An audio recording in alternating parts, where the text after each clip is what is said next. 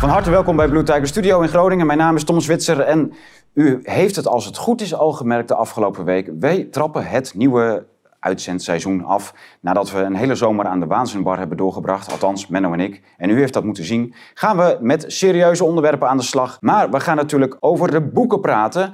En zo is er een boek van bisschop Mutsaars uit Den Bosch, van waarheid tot wook. Hij komt natuurlijk met pastoor Menne die ook in die veelbesproken uitzending heeft gezeten met uh, pastoor Schilder. Dat was ontzettend leuk. Twee rokende en drinkende pastoors aan tafel. Dat gaan we dus herhalen met het boek van Bisschop Mutsaars. Maar nu eerst gaan we aan tafel praten over dit boek.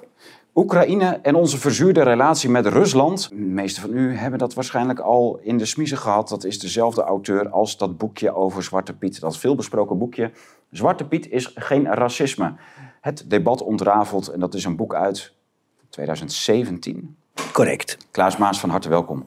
Je hebt een hele lange rit uh, gemaakt en mag debuteren in Blue Tiger Studio. Want destijds hadden we geen studio toen, toen we dit boek van je uitgaven. Dat Zwarte ja. Piet, Piet boekje. Ja. Dus we hebben je natuurlijk van harte uitgenodigd om te komen. Ja, we, we gaan eens kijken wat dat, wat dat boekje... Uh, we hebben natuurlijk dat, dat dikkere boek van Kees van der Pijl uitgegeven... een paar maanden terug, vlak voor de zomer.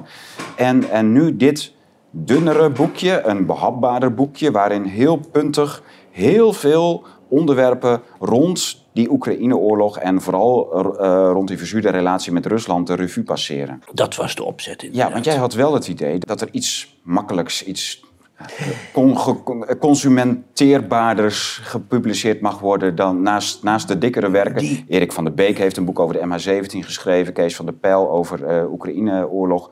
Dat zijn allemaal dikke werken waar mensen waarschijnlijk halverwege stoppen met lezen. Deze lees je echt in één keer uit. Dat zou je kunnen doen als je daar tijd voor neemt. Ja. Ja. Dank voor je mooie boekje aan ons fonds. Want dat is, uh, het is wel weer een pareltje wat we aan de rij mogen toevoegen. Pareltje is vrij geïllustreerd met een kaft die door jou is geselecteerd. En dat is een hele goede keus geweest. Want ik wist zelf niet wat het nou precies zou moeten worden. En, dat is moeilijk, hè? Ja, dat is inderdaad soms best moeilijk. En ook die titulatuur, Oekraïne en onze verzuurde relatie met Rusland. Daar stond bij mij eerst een opmerking van: is Poetin betrouwbaar of iets dergelijks? En dat hebben we er toch maar uitgegooid en dat was ook een goede ja, Strikt genomen gaat het ook niet over Poetin. Het gaat eigenlijk weer over onze media, weer over de verslaggeving en, en natuurlijk over de bedoeling van die oorlog en, van die, en waarom die relatie met Rusland gefrustreerd moet worden. Mhm. Dat is inderdaad een.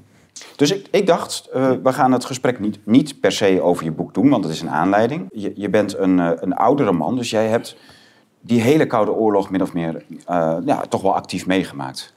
En daarom lijkt het mij interessant om te gaan kijken van wat er nu de afgelopen decennia precies aan de mhm. hand is. Kijk, ik heb heel veel boeken van George Kennan, die Amerikaanse ambassadeur, gelezen. En je krijgt een ontluisterend beeld over hoe die Sovjet-Unie in feite werkt. Mhm. Het was niet veel, heel veel anders dan hoe het bij ons werkte. Er zaten, waren natuurlijk grote verschillen in cultureel gebied, maar die staatsvorming, de pure macht, werkt eigenlijk een beetje overal min of meer hetzelfde. Dat is tot op zekere hoogte waar, maar het was eigenlijk een totaal ander soort maatschappij die zij hadden gemaakt. Uh, in het begin van de jaren tachtig uh, lag de Nederlandse economie bijna op zijn gat. En ik werkte toen als uh, universitair docent bij de ROMP subfaculteit Geologie en Geofysica nog in Leiden. En daar liepen jongens rond die probeerden wat ze konden om aan de slag te komen met hun doctoraalbul ja. bij Shell, bij een andere maatschappij of waar dan ook. En niemand en wou het lukte niet. Zo. En wij hadden daar een gastdocenten, uh, gastonderzoeksdocenten, een mevrouw Pere Kalina, afkomstig uit groot geworden in de Sovjet-Unie. En die zag dat aan en die hoorde dat. Zij sprak voldoende Engels om uh, met ons te communiceren daarover. En ze was stom verbaasd dat het kon zei, in mijn land, mijn zoon studeert af en dan zegt de overheid hem waar hij zijn baan krijgt, waar hij gaat werken. En dat kan Bij ook ons bestaat geen werkloosheid. En dat kan ook aan de andere kant van Rusland zijn. dat kan de andere kant van Rusland zijn, ja. Maar zij, was dus, uh, zij vond in dat opzicht... Onze maatschappij was uh, in vele opzichten draaide beter dan die zij thuis gewend was. Ja. Maar dit vond ze gewoon een hele rare, asociale eh, ja, een gat in eh, het weefsel, zeg maar. Ja. In zekere zin, ja. ja. En als je dan nagaat hoe in Rusland, trouwens ook natuurlijk de andere staten die samen met Rusland de Sovjet-Unie vormden, vanaf nou ongeveer, wat was het, begin jaren negentig, de grote economische hervorming van het geheel. Ja, dus dat is de periode Gorbachev-Yeltsin. Mm. Gorbachev-Yeltsin, ja. Yeltsin vervangt. Praktisch tien jaar. Gorbachev weggeschoven. En uh, ja, wat er toen gebeurd is, dat... Uh, ja, jij noemt het ook geen perestroika, maar... Uh, nee, nee, nee. De term die ze zelf gebruiken is de katastroika. Ja, en, en waarom? Ik had in die tijd, eerste helft jaren 90, tweede helft jaren 90, een, kende ik een Russische jongen die mijn collega was. Of liever gezegd, ik, was, ik had een vaste aanstelling en hij had zo'n tijdelijke onderzoeksaanstelling via een van onze hoogleraren binnengehaald uh, bij Mijnbouwkunde Delft. Daar werkte ik toen in een bureaucratische functie, onderwijs-onderzoekadviseur. En hij had een onderzoekerstaak. En hij was op een of andere manier uh, via ja, contacten van zijn vader, die hoogleraar was in Moskou, was hij daar terechtgekomen. En hij viel me op omdat uh, op een gegeven moment, ik uh, had in die tijd uh, de gewoonte om de zondagmiddag alvast aan het werk te gaan om de week voor te bereiden. En ik zag hem in de gang rondlopen, telkens een paar keer achter elkaar de zondag. Van hé, hey, die Russische jongen die. en ja, dan zie je elkaar, je kent elkaar van gezicht, dat is dat gezicht wat we zondag altijd zien. Dan zie je elkaar voor de deur op de stoep van het oude gebouw allebei een sigaretje staan te roken, want binnen mocht het niet meer. En dan raak je zo aan de praat. En dan uh, begint hij te praten en dan vraagt hij dingen. En dan is dat zo van, uh, die uh, geschiedenis van jullie. Dat is wel een heel rare geschiedenis eigenlijk. klein land in Europa en jullie bouwen schepen en jullie zoeken uit hoe je varen moet. En dan gaan jullie naar de andere kant van de wereld en daar veroveren jullie stukken land om een koloniaal rijk te stichten. Heel vreemd. Hoe, hoe is dat zo gekomen? Ik zei, Alexei, ehm, als je nou kijkt naar de geschiedenis van jouw land, wat veel groter is en veel meer ruimte heeft, dus veel minder ruimte extra nodig heeft. Ja, jullie voorouders, jouw voorouders, hoefden alleen maar op het paard te klimmen, de Oeral over te rijden. En dan waren ze in Siberië en they were in business, Alexei. It is not the same, zei hij. maar goed, zo uh, ontstaat maar had hij gelijk? Het is niet hetzelfde? Uh, het was niet helemaal hetzelfde. Maar in uh, sommige opzichten was het weer wel hetzelfde. Ik bedoel, uh, Dat is toch het grote, het grote klassieke verschil tussen een zeemacht en een landsmacht. Ja, hè? Dus ja, zeker. Dat, die Russen hoefden inderdaad maar op hun paarden te klimmen. Maar ja, dat deden de Mongolen destijds in de middeleeuwen ook. Ja, Hè? En die, en die, en die eh, gingen niet naar onbewoonde gebieden. Nee, nee, zeker niet. Nee, maar de, ja, maar de, maar de Russen ook niet. Hè. Er werd natuurlijk ook wel... Kijk, ze hadden ook last van de invallen van de Tataren en de Turken. Ja. Vooral die heel, veel, heel die Turkse streek tussen Turkije en, eh, en Mongolië. Dat zijn allemaal Turkse stammen. Yep. Hadden ze heel veel last van. Dus op een gegeven moment hebben ze een stukje bij beetje... hebben ze dat eh, bij het Russische Rijk gevoegd en de, en de ellende was over.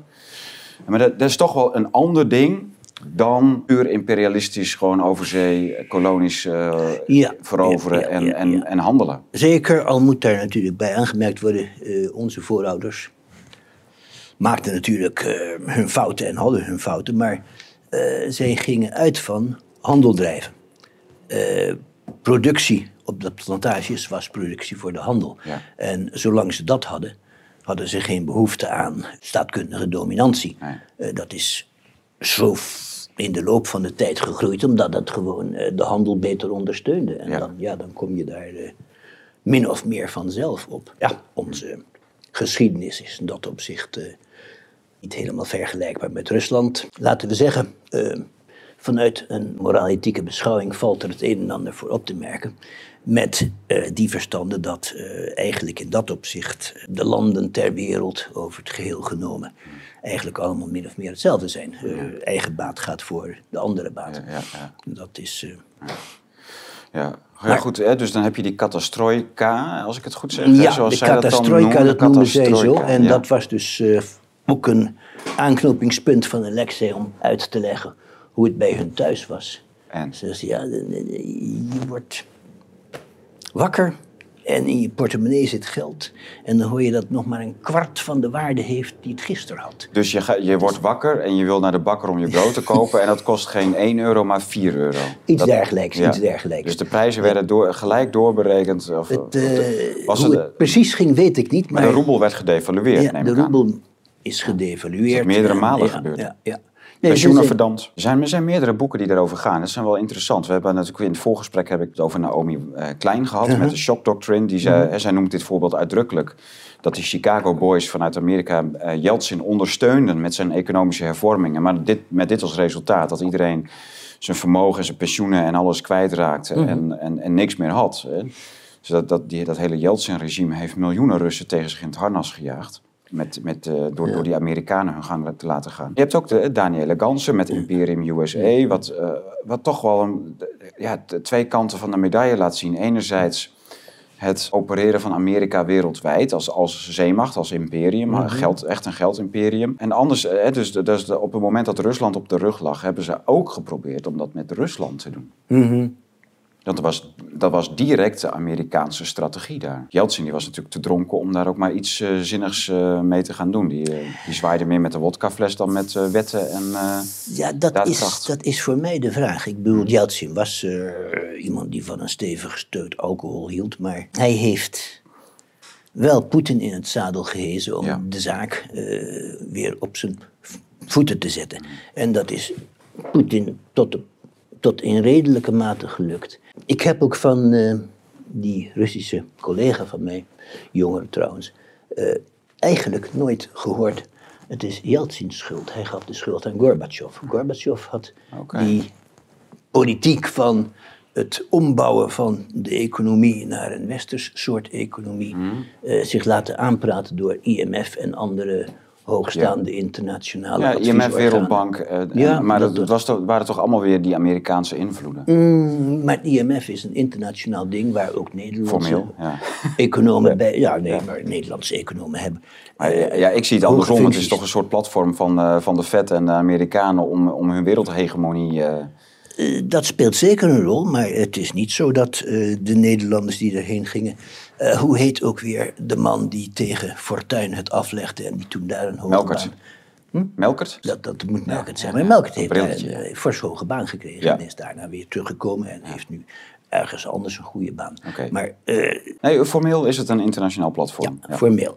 En formeel heeft dus de internationale deskundige instituties die eh, daarover een eh, zinnige opinie kunnen hebben en een zinnig advies kunnen geven, hebben onder Gorbachev nog Rusland gewoon de verkeerde kant op gestuurd.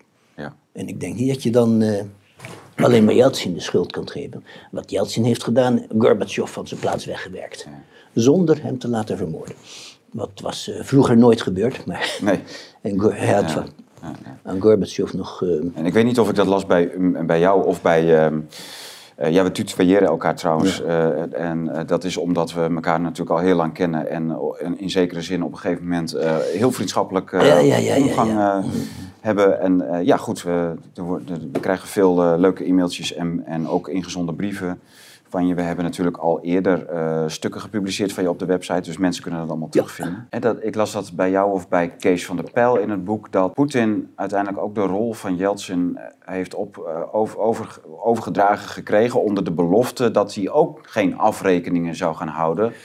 onder de, ja, de booswichten van het Yeltsin-regime. Zo'n zo'n Nemtsov, die ooit Ja. vermoord is een aantal jaren geleden, of volgens mij op het Rode Plein. Iets, eh, En dat was een hele geruchtmakende moord. Er werd direct aan Poetin toegeschreven. Maar de, een, een Nemtsov was bijvoorbeeld verantwoordelijk voor, de, voor dat verdampen van de pensioenen en, Ja, de, ja, huizenwaarders in de Yeltsin-tijd. hè. Dus hij had miljoenen vijanden die hem eh, had, had kunnen omleggen. Terwijl hij nog een dandy-leven leidde, ook daar in Moskou. Met, eh, met, eh, die, die sleurde met vrouwen, drugs en, en drank. En eh, ja, goed, dat, eh, op een gegeven moment is die omgelegd en, en niemand weet door wie of waarom. Ja, waarom is waarschijnlijk wel duidelijk. Maar dat, je- Poetin heeft dus eigenlijk zo'nzelfde belofte moeten geven aan Yeltsin als Yeltsin aan Gorbachev. De voorgangers vermoord je niet. Er worden geen afrekeningen of beltjesdagen. Ja. Het gaat netjes. En dat heeft wel natuurlijk voor een bepaalde stabiliteit gezorgd, ook onder, onder, dat, onder de Poetin, in de Poetin-tijd.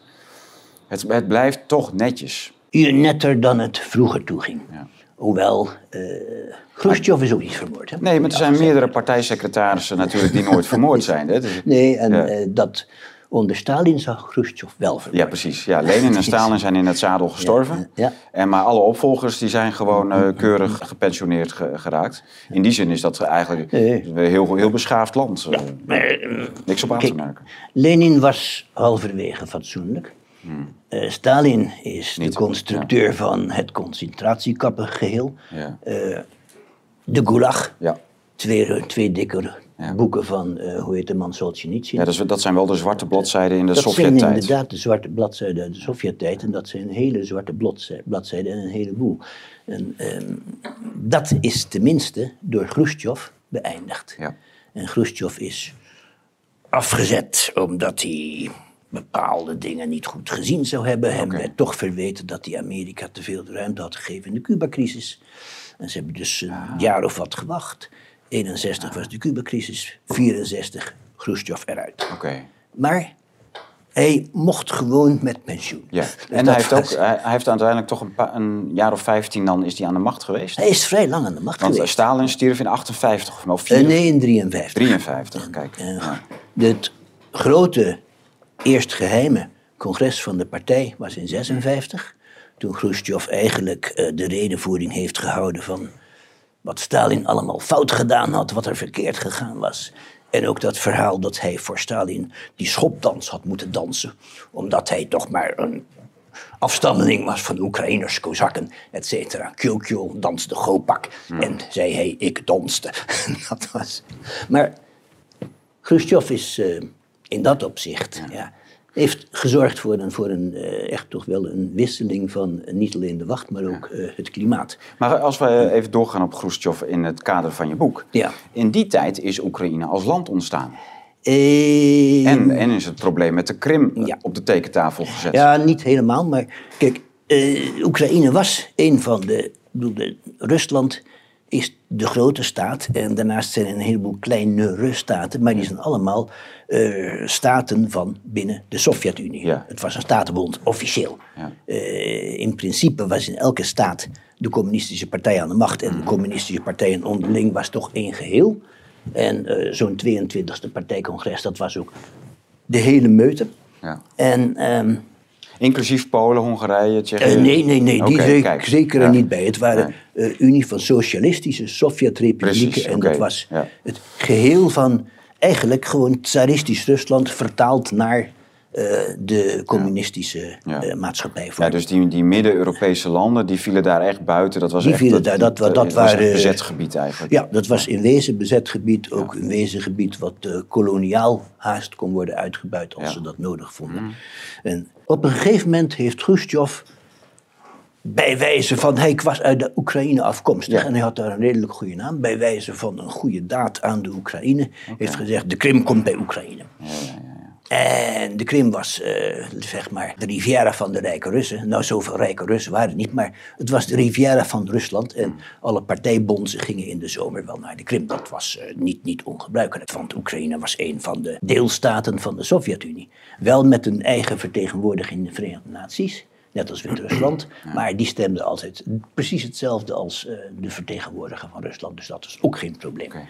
Nou ja, nu heb je dus uh, met die wisseling van de organisatiestructuur van dat oude Sovjetrijk naar uh, eerst het gewest van onafhankelijke staten en nu dus een verzameling van stuk voor stuk onafhankelijke staten die soms wel nog iets voelen van een uh, bondschappelijke band met de rest. Maar soms ook helemaal niet. En dan, dan krijg je dus die situatie die we nu hebben in Oekraïne.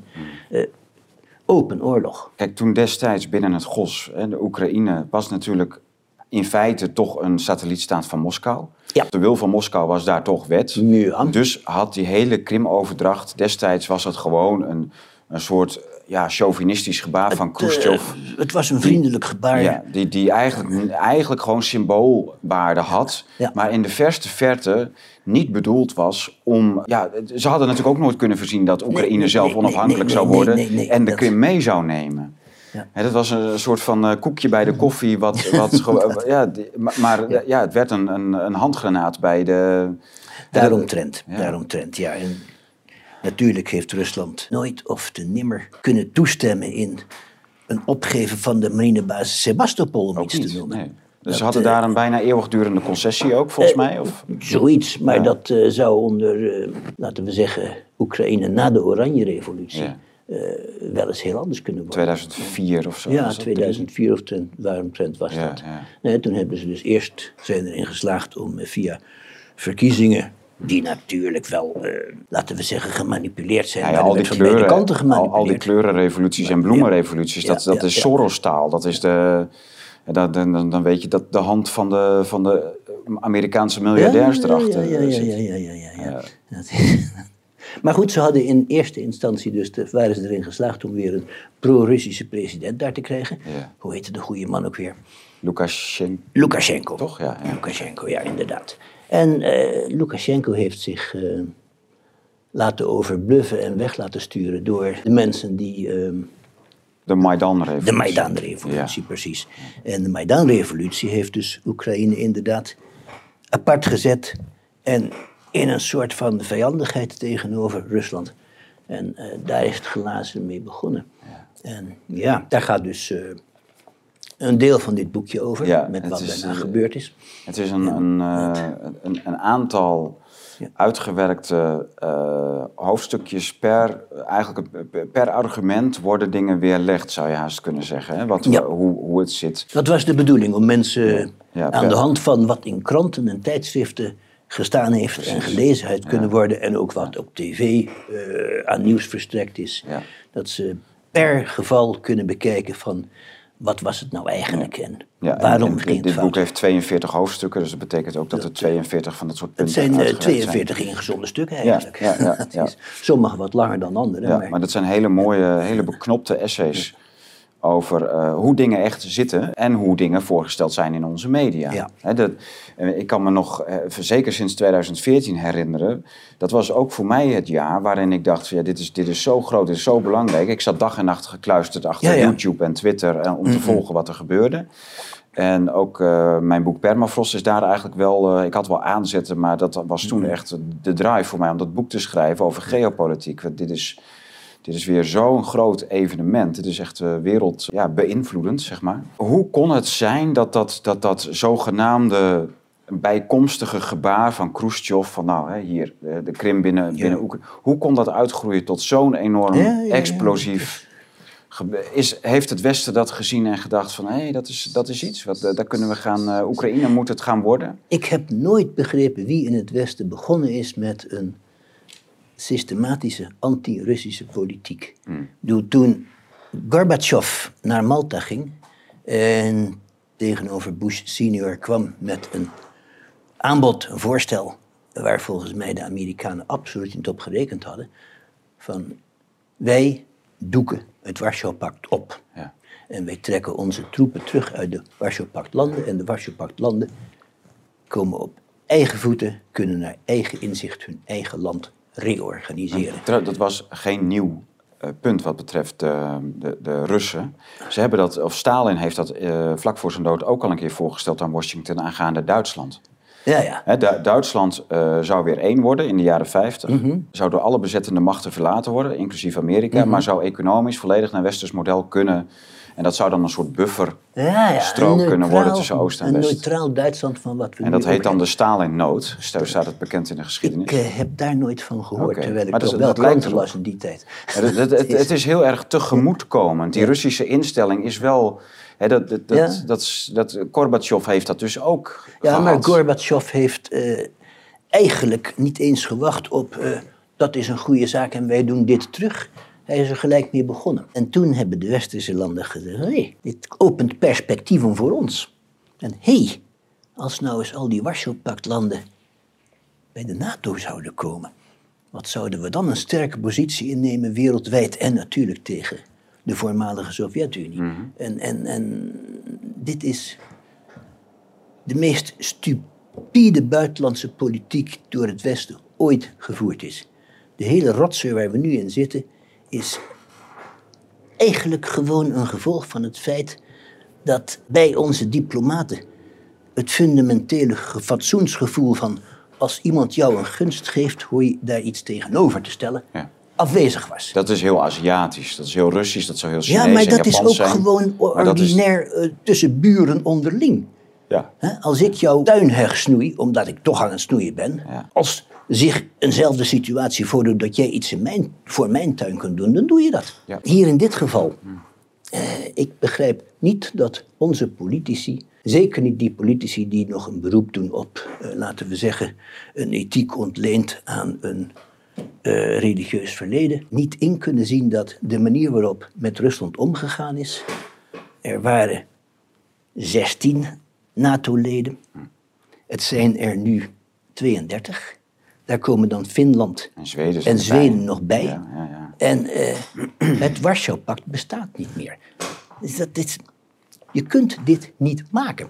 Maar dat was toch toegezegd? En, en, eh, er, er is toch overleg geweest tussen Gorbachev en, en eh, volgens is- mij Duitsers...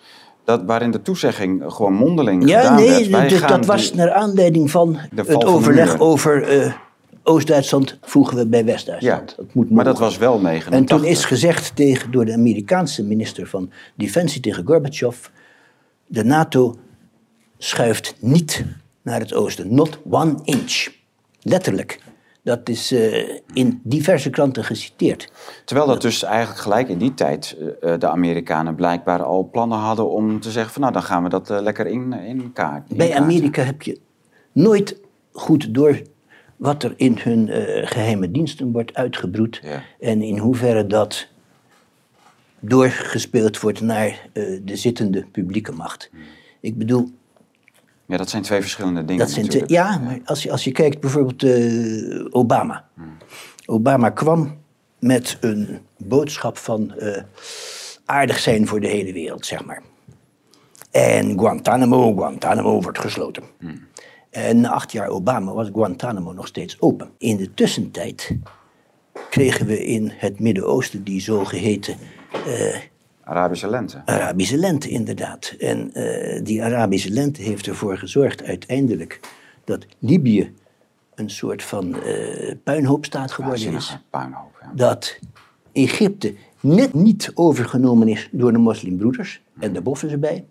En dat Syrië halverwege puinhoop is. Ja. En dat is een resultaat van een buitenlandse politiek waarvan je zou moeten zeggen van dit is een misdadige buitenlandse politiek geweest. Hmm. En eh, dat door de president die door iedereen verafgoed werd. Ja, maar u, u zegt dus in feite, hè, dus de, die hele beslissing om alle voormalige Warschau-landen ehm, bij de NAVO te halen, dat is een deep state beslissing geweest. Dat zou goed kunnen. Al die kleurenrevoluties, hè, dan, dan zie je toch ook dat daar individuen aan, aan meewerken. Zoals George Soros, natuurlijk de Rockefeller Foundation. Je hebt, je hebt zoveel, Ja, ja, ook. In, het, in de private sfeer in Amerika, die gewoon in, in feite via de public state en via de deep state toch proberen... Maar de- ergens synchroniseert dat ook weer allemaal. De- Dus er is niemand die uiteindelijk met de vuist op tafel slaat en zegt... "Ja, maar dit gaan we niet doen. Mhm. Want eh, alles wordt zo gemasseerd, alle poppetjes op al die stoeltjes... dat ze uiteindelijk ook allemaal zeggen van ja, dit gaan we doen. Of hun mond houden. Ja. En hoe dat dan weer uitstraalt naar de Europese politiek. Ja. Ik bedoel, Ja, wij- wij wanneer hebben wij bedacht uit. dat wij anti-Russisch waren? Dat eh, Poetin toch eigenlijk wel een misdadiger is? Het simpele geval van MH17, want het is eigenlijk een simpel geval. Althans, ik denk, je kunt gewoon de vraag stellen: wie is hier beter van geworden? Ja. Eh, niemand dus. Ja. Maar eh, Welk verhaal wint hierbij het- aan? het- dat Rusland nu de schuld krijgt. Het is idioot om te denken dat de Russen bewust een neutraal passagiersvliegtuig uit de lucht schieten. Daar hebben ze helemaal absoluut niets aan. Het eh, schaadt ze alleen in ernstige mate. En iemand heeft bedacht dat het moest gebeuren. Iemand heeft eh, laten schieten. Nou ja, dan kun je dus zeggen van... We benoemen een club neutrale, ongebonden deskundigen. Mensen met vaktechnisch autoriteit. En die club die krijgt inzage in alle gegevens waarin ze inzage willen hebben. Die zoekt de hele zaak uit. En die club die zegt van zo en zo en zo is het gebeurd. En dat is jouw portie van de verantwoordelijkheid. En dat is jouw portie van de verantwoordelijkheid. En die wijst gewoon toe van welke schadevergoeding door wie moet worden betaald. En wie zich aan mag trekken dat hij hier een schuld in heeft. Maar eh, wat nu gebeurt, die idiotie om te zeggen dat Poetin dus verantwoordelijk is voor het neerhalen van die MH17 en dat hij uh, daarvoor terecht zou moeten staan in Den Haag en daarvoor in de gevangenis gezet zou moeten worden in Den Haag men is van zijn gezond verstand af. Maar alles wordt erbij getrokken. Hè? Dus je hebt een, een heel technisch uh, team wat erbij... Er worden heel veel landen bij getrokken. Dus een van de verdachte landen, Oekraïne, mag zomaar ja, ja, met vetorecht deelnemen in die commissies... om uit te maken wie de, wat er gebeurd is en wie er schuldig is. Uh, vervolgens wordt de Nederlandse rechtspraak daarin betrokken... met natuurlijk ook als uitkomst dat de rechters niet anders kunnen dan Rusland schuldig verklaren. Zo, uh, hadden ze het gewaagd om het niet te doen of om, om te zeggen van we kunnen hier geen uitspraak over doen dan zou het, eh, dan, de, ja, de wereld zou... te klein zijn, voor hun ook. Uh, misschien voor hun, maar uh, het was wel de juiste uitspraak geweest. Ja, maar het, is wel, het, het zorgt dus voor een hele institutionele corrumpering. Dat hele proces, die jarenlange... Je moet mhm. zoveel, zoveel poppetjes moeten mee om die, in die beslissingen... om de gewenste uitkomsten van überhaupt dat hele ongeluk al uh, te, te genereren. Ja. Dat, dat, dat is natuurlijk heel gevaarlijk, dat je... Dat je er mag geen andere uitkomst zijn dan dat een rechter zegt van ja, Rusland is schuldig en, uh, en een of andere kolonel die, uh, die heeft op die, die knop gedrukt. Bizarre is dat het is geen vrijblijvende conclusie die er uit dat rapport spreekt. Dus je hebt eigenlijk daarmee ook de hele rechtspraak gecorrumpeerd. Ja, dat is gebeurd. Ja. En wat voor situatie zitten we nu wat betreft Oekraïne en Rusland? Is dat, wat, wat zijn de... Gaan we nog dieper, trekken we onszelf nog dieper het moeras in? Dat zou best kunnen. Kijk, als binnen het totaal van betrokken politici iemand eh, of het lumineuze idee zou komen van, weet je wat, we schuiven dat opzij en we gaan opnieuw met Rusland praten over, bijvoorbeeld, kan Rusland niet de tweede grote nucleaire partner in de NAVO worden? Kan in zo'n geval alles wat nu lid van de NAVO is misschien aangevuld worden met een aantal staten uit dat uh, gemene, oorspronkelijke gemene best van onafhankelijke staten. En kunnen we zo niet één groot blok hebben, een, noem het een Amerikaans-Russisch condominium. Ja. dat was uh, fantastisch geweest, maar het tegendeel is het geval. Hè? Dus nee, maar is dit nog mogelijk? Ja, nou, de Russen zelf hebben twee of drie keer lidmaatschap aangevraagd. Volgens mij Jeltsin en Poetin allebei een keer. Ja, en dat werd geblokkeerd door Washington. Dat is uh, heel dom van Washington. Ken jij de Amerikaanse SF-auteur Jerry Pournell. Nee. Uh, Jerry Pournell heeft uh, zo'n toekomst geprojecteerd. In zijn wereld, ja. zo'n... Zo'n Amerikaans-Russisch condominium. Een Amerikaans-Russisch oh, condominium. Ja, ja. En dat Amerikaans-Russisch condominium, dat heeft samen de ruimtemarine. En de ruimtemarine regeert in de ruimte, maar namens het Amerikaans-Russisch condominium. Hmm. En dat is uh, een heel interessant en boeiend geheel om te lezen wat er dan mogelijk is en wat niet meer mogelijk is. Hij interesseert zich voor huurlingen en huurlingenorganisaties. En heeft daar dan een uh, kolonel, een Valkenberg. En Valkenberg Legion is het model van hoe een huurlingenorganisatie zou moeten zijn. Dus als je wilt weten hoe een huurlingenorganisatie ethisch correct in elkaar gezet en aan het werk gezet moet worden, lees Valkenberg Legion en dat soort boeken. Dat Valkenberg is, uh... Legion. Ja, en nu dan, hè, dus ja, goed, dat is één optie, hè, dat uh, Rusland bij de NAVO komt, dat, dat, maar dat wordt al nou, dus 25 jaar geblokkeerd, minstens. Ik, ik weet niet wanneer de eerste aanvraag van Yeltsin is geweest, maar laten we zeggen misschien wel 30 jaar lang geblokkeerd vanuit Washington. Zou Gorbachev het ooit als idee geopperd hebben? Dat zou natuurlijk goed kunnen. Kijk, Gorbachev en Yeltsin waren allebei best wel, stonden goed op in de, goed afgebeeld in de westerse pers. Ja. soms zelfs als helden gezien. Mhm. Ze hadden het communisme afgeschaft, dat is dan het verhaal. Waarom werd daar dan toch nee tegen gezegd? He, daar moet dan toch een idee zijn geweest, tegelijkertijd met dat men in het Westen doorkreeg van... hé, hey, als de als, het, als Moskou zeg maar, het Warschau-pact opgeeft en die, en die landen laat gaan, en ook die GOS-landen, dus niet alleen maar de, uh, de Midden-Europese landen binnen het Warschau-pact, maar ook de mhm, GOS-landen, mhm, mhm. dan biedt dat uh, ongelimiteerde perspectieven voor ons vanuit westers perspectief.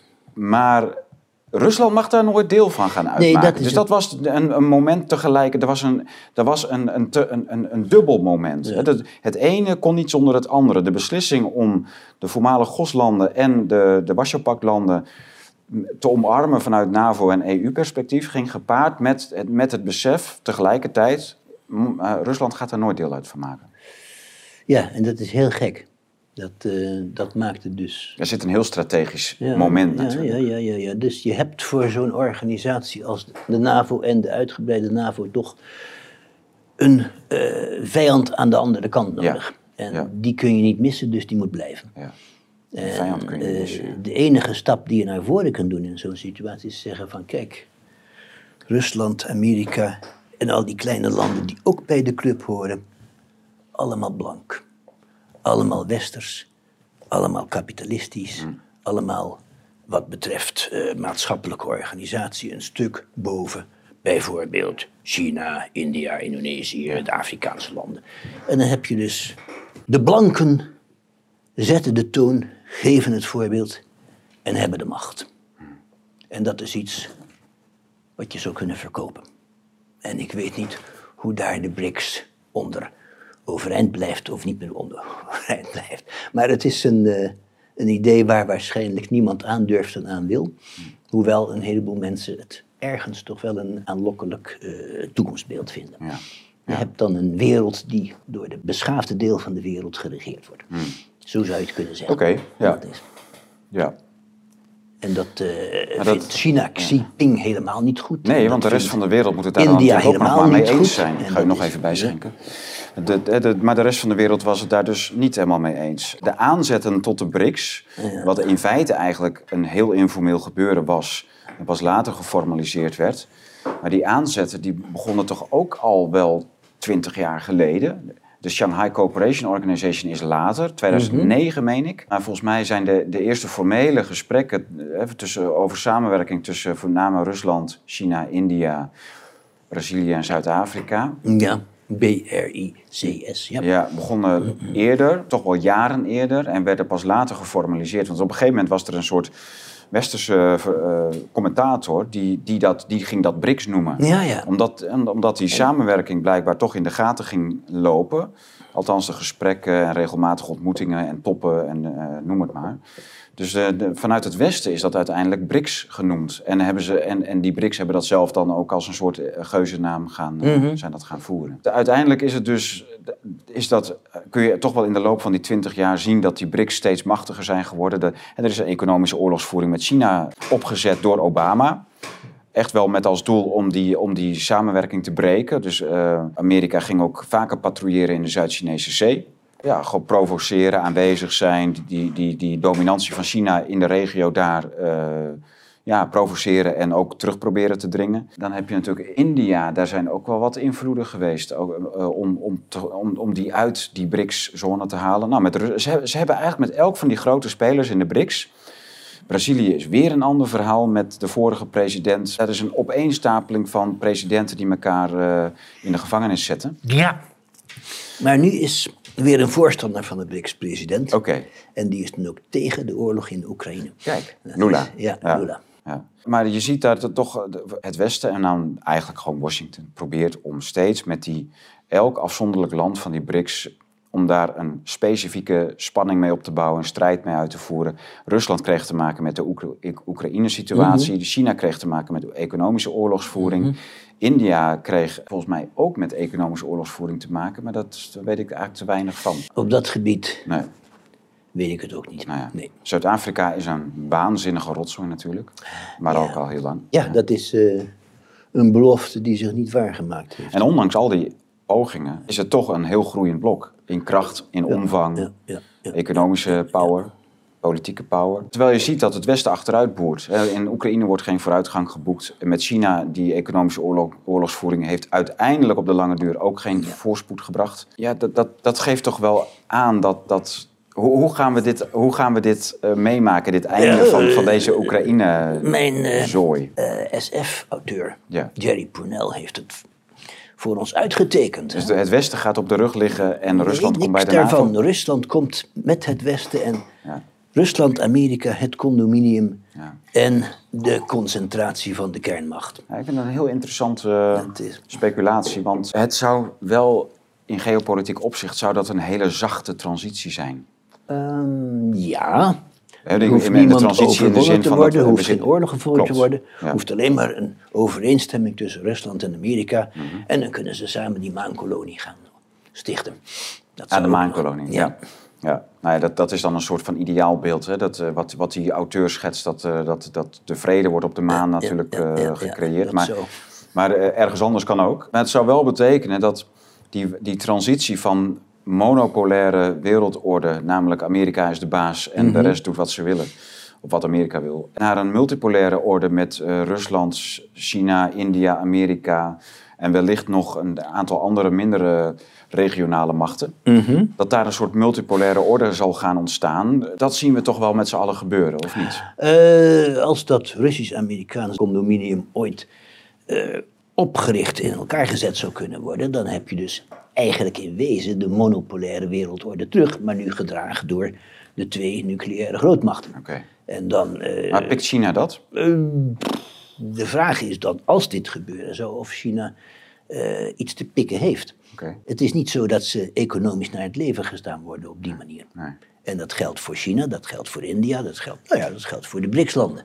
En als dat condominium zich fatsoenlijk gedraagt mm -hmm. en zorgt dat iedereen aan zijn trekker kan komen en dat er aan de tafel voor alle landen wel ruimte is, ja. dan uh, zou dit een oplossing kunnen zijn. Ja, maar je, maar je, je moet er dan ook redelijkerwijs van uitgaan dat Amerika niet alleen maar veel terughoudender richting Rusland zal zijn, maar vooral ook richting China. Al die bases rond de, rond de Zuid-Chinese zee. En, ja, ja, dat, dat zal toch uiteindelijk afgebouwd moeten gaan worden. Anders is het niet serieus te nemen, zo'n Russisch-Amerikaans condominium. Als zo'n Russisch-Amerikaans condominium, om er even op door te, te fantaseren, eh, echt werkelijkheid zou worden, dan nemen ze militair strategisch zo'n sterke positie in, hmm. dat ze zich kunnen permitteren om te zeggen van laat de Chinezen hun gang gaan in de Zuid-Chinese zee, et cetera.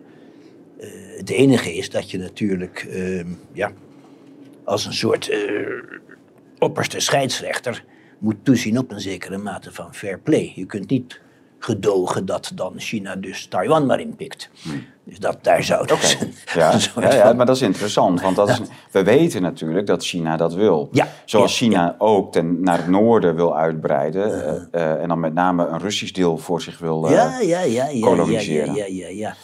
Heb dat, jij dat, ooit, dus lang geleden alweer, in de jaren zestig heeft de PSP, ik ben nog een aantal jaren lid geweest van de PSP, een kleine publicatie uitgegeven. En daar stond als titel: Kent China zijn grenzen? En toen hebben ze dus in oude documenten en wat meer actuele documenten nagegaan van wat weten wij van de ambities van China. En daar kwam dan interessant uit dat China eigenlijk meende recht te hebben op het grotere deel van Russisch-Siberië. Ja. En Tibet was natuurlijk sowieso van China. En goed, zo waren er nog uh, stukken van Vietnam. Uh, er zat een kaartje bij van wat ooit van China geweest was, waar China nog ambities had om dat te herstellen. En dat, uh, daar kwam toch een behoorlijk agressief beeld uit. Ja. En ik had toen tijdelijk op de Sterflet studentenhuisvesting, die verhuurde in de zomerperiode kamers die door met vakantie zijn de studenten niet bezet waren aan studenten die tijdelijk voor een zomercursus in Leiden waren.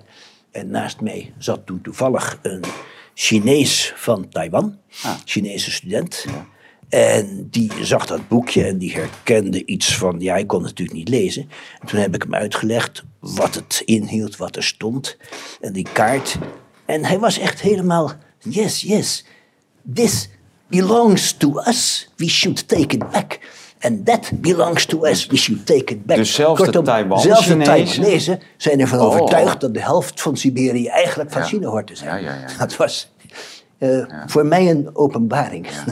Ja, het is een praktisch leeg land. We zijn met Russische steden. Maar dat is allemaal. Ik kijk er graag met Google Maps kijk, kijk ik graag die streken langs. Ja, ja, ja. Ga ik die hele steden door. En ja, er staat zelden een gebouw wat ouder is dan 100 jaar. En uh, ja, dat is allemaal heel ja, heel erg leeg. Heel, heel prematuur gebouwd. Het, wat er staat aan wijken, dat is ook echt van die in de Sovjet-stijl. Uh, het, uh, saai beton, mhm. snelbouw. het, het, is ook nog niks. Weet. Er kan ook nog gekoloniseerd worden in, in Oost-Siberië of, Noord, of dat hele noorden van, van uh, boven, boven China. Het is een gigalap land met heel weinig mensen. Maar dat zou een verdubbeling van het Chinese grondgebied betekenen. Ja, ja, ja. En de Chinezen hebben wel, wel de mensen om dat behoorlijk te bevolken. Ja, ja, ja en, en te bewerken. En te bewerken. Ze doen het in Afrika, maar dat zou in, in, in de Siberië natuurlijk geen enkel punt zijn. Nee. Wat je vertelde over die, uh, die arbeidsethiek in, in de Sovjet-stijl. Van je, je ging een diploma halen en daarna zei de partij van je gaat daar werken en, daar, en, en daarheen verhuizen. Dat doen de Chinezen natuurlijk nu wel. Hè. Dus de, die, die, dat, dat gebeurt daar ook. Ja, en dat zijn de Sovjets nu kwijt. En ja. daar hebben ze vast wel spijt van af en toe, denk ik. Ja. Oké. Ja. Nee, het is een, een heel andere maatschappijopvatting, maar heel het brood op tafel is verzekerd. Ja, maar ook heel Aziatisch. Ja. We, van we doen gewoon, in die mierenhoop heeft iedereen een rol. En we doen het gewoon. Mhm. En uh, ja, het grotere geheel is belangrijker dan mijn eigen individuele lot. Dat is heel Chinees en uh, ja, heel Aziatisch in zekere zin. Interessant, dus dat zijn wel, dat zijn wel perspectieven. Dus uh, wat gaat China doen naar gelang Rusland op een gegeven moment gaat kiezen of moet gaan kiezen. En naar gelang het Westen meer op de rug gaat liggen. Ja, het is allemaal, uh, het is allemaal niet gegeven dat het natuurlijk uh, heel makkelijk en soepel gaat verlopen, dit soort transities. Dat kan met grote schokken gepaard gaan. Mm ligt, er nog, ligt er ook een, een zwart scenario op de loer? Een, een bijvoorbeeld een, een nucleaire ontsporing of een ik zie de Westerlingen voor alles aan ondertussen. Want die cowboys in Washington, maar ook in uh, Brussel, uh, die, die zijn tot van alles in staat. Ik denk niet dat ze zo gek worden dat ze de Koude Oorlog uh, laten barsten in een hete oorlog. Ik, bedoel, ik kan me dat nauwelijks voorstellen. Ik ben groot geworden met de Koude Oorlog en toen waren we wel bang voor een hete oorlog. Maar wie is de gek die zijn eigen land vernietigd wil zien? Nou ja, eh, kijk, we zitten met in, in, in een multi, multicrisis eigenlijk. Dus de euro staat op instort, het MKB is bijna weg, de energiecrisis is compleet, het is niet meer te betalen. Mensen verliezen al masse hun baan. Ik ben uh, afgelopen weekend nog in een Oost-Gronings stadje gaan wezen winkelen. En ik schrok me echt, een, eh, ik schrok me helemaal de pleuris. Kijk, als je in Amsterdam opgroeit en je ziet het floreren daar, dan lijkt er niks aan de hand. Maar stadjes als Assen, Veendam, Winschoten, en dan heb ik het alleen nog maar bij ons in de buurt. Mhm. hè, de perifere plaatsen die altijd bloeiende centra zijn mhm. geweest. Dat, het, is, het is echt verschrikkelijk. Meer dan de helft in die hoofdwinkelstraten staat leeg. Het verpaupert, het stort in, onkruid overal. Het is gruwelijk om aan te zien. En dat, dat soort gevolgen, dat gaat sluipende wijs. Weet je? Ik kan me nog tien jaar geleden herinneren dat ik schrok van Assen. Maar vijf jaar geleden schrok ik van Veendam. En nu schrik ik van Winschoten. Maar het is in Assen niet beter geworden. Het is in Veendam ook niet beter geworden. Het, het, sterker nog, dat virus dat, groeit, dat groeit alleen maar. Die winkelleegstand, economische neergang, uh, werkgelegenheid. Dat, dat is, het is een keten van, van stappen die, die, bijna, die niet, tot nog toe niet omgedraaid is. Het is een multi, multicrisis. En ik ben benieuwd. Kijk, dat geopolitieke staat natuurlijk niet, niet, niet op zichzelf. Hebben we dan die, de instorting van de euro en de, de, de verdwijning van het MKB ook in Duitsland? Mhm. Eh, en, en die energiecrisis.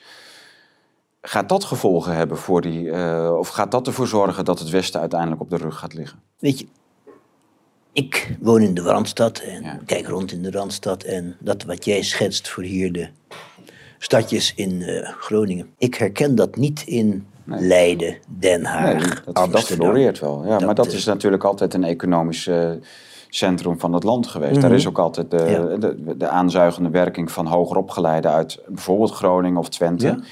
Iedereen ging een baan zoeken in de Randstad. Uh, de gasbaten uh, hier uit Groningen werden natuurlijk gebruikt om Schiphol, de haven in Rotterdam, de, het, het, steden, of het, het, het, wegennetwerk in de Randstad aan te leggen. Dat is natuurlijk een, een, enorme. Het werd ook daarvoor aangewend. Dus natuurlijk zien we elke neergang pas als laatste in de Randstad landen. Maar op een gegeven moment denk ik van ja, als je. Kijk, in Groningen is het natuurlijk desastreus. Want het, het is niet alleen maar Assen, Veendam en Winschoten. Maar het is ook Delfzijl, het is ook Appingedam. Het zijn ook de grotere dorpen. Hmm. Alles loopt leeg en stort in elkaar. En dat, datzelfde gebeurt in Friesland, Drenthe. Eh, ik kan me voorstellen dat, uh, dat de Achterhoek en Limburg en Brabant uiteindelijk ook niet achterblijven. Op dat, dat, hmm. En dan, dan sluipt het wel langzaam naar de Randstad, naar de Randstad toe. Hmm. Ja. Tja. Het is echt geen pretje. Je zou bijna een soort spooktocht met camera moeten gaan, gaan houden en door die, door die straten rijden om te laten zien wat daar aan de hand is. Maar goed, dat zijn uh, micro-gevolgen ja. bij ons om de hoek natuurlijk. En ondertussen hebben wij een prachtig boek liggen over Oekraïne en Rusland, geopolitiek. Klaas, je hebt het weer. Uh, ja, het je, is, hebt, je hebt het eh, maar weer geflikt en neergelegd. Het is een erg leuk boekje geworden. Ja. Ik ben je dankbaar. Maar uh, het gaat over de Krim, het gaat over Kosovo, het gaat over Poetin. Over de Pussy Riot, kennen we die nog? Ja, ja. Dat was... Uh, over meer Europa, ja. meer EU bedoelt u, bedoel je denk ik? Ja, dat, dat, dat, Onzicht, kijk aan. Europa moet, ja. ja, ja, ja. ja. MH17, de Krimbrug. Ja, ja, dat heeft ook in Epoch gestaan. Je hebt daar ook over geschreven destijds. Ja, destijds. Dat klopt. Grote perspectief van een voormalig KGB-agent. Ja. Karel van Wolveren, heel leuk, want die werd natuurlijk ook wel uh, zwart uh, gemaakt in de pers. Oh, Butsja, ja, dat geval van Butsja, daar, is natuurlijk, daar komt steeds meer. Dat is een leuke om mee te eindigen, ja. want uh, is natuurlijk ontzettend interessant. Dat werd ja, afgebeeld in de westerse media. De Russen trokken zich terug uit Butsja. En de straten lagen vol lijken. Frustratiemoorden. Ja. Of iets dergelijks. Ja. ja. Maar er was toch iets heel anders aan de hand. Dat heb ik begrepen uit dat boek van professor Kees van Kees Pijl. Van Pijl, ja. En uh, dat was voor mij, uh, ik was zover nog niet en ik had het ook in geen nieuwsmedium uh, ontmoet. Ook niet de internationale alternatieve media? Hm. Internet zou dat toch duidelijk hebben moeten ja. kunnen brengen en ja. dat is niet gebeurd. Nou ja, ik, ik maar, heb het wel gemerkt. Dus Kees van der Pijl heeft het de grondiger uitgezocht, maar ik weet wel tegelijk dat, dat die foto's naar buiten kwamen. Dat ik op Twitter mensen zag van ja, dit is, dit is een overduidelijke vols vlek. Uh, en, maar, maar Kees die heeft dus boven het water gehaald wat er uh, werkelijk is gebeurd. En dat het een soort bijltjesdag is geweest. Want in de, de tijd dat Butsja bezet is geweest door de Russische troepen... zijn er natuurlijk, de, zijn natuurlijk ook mensen uit dat dorp geweest. Die hebben samengewerkt met de Russen.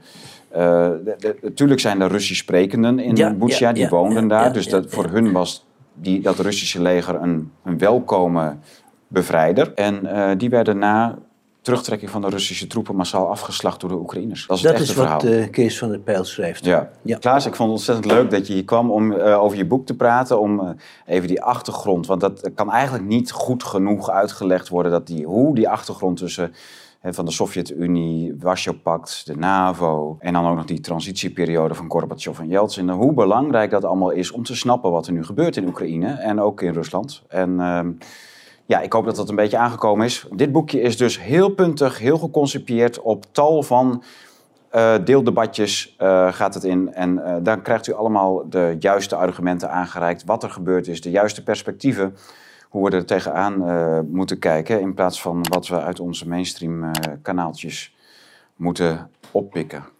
En dan is het ook nog zo dat u Zwarte Piet is geen racisme er tijdelijk gratis bij krijgt. Dat is een uh, actie van onzezijds. U krijgt twee Klaas Mazen voor de prijs van één. Klaas, hartelijk dank. Oké. Okay. Ja, en we, we gaan even lekker naborrelen, toch? Goed. Doen we. Bedankt voor het kijken. Tot de volgende keer.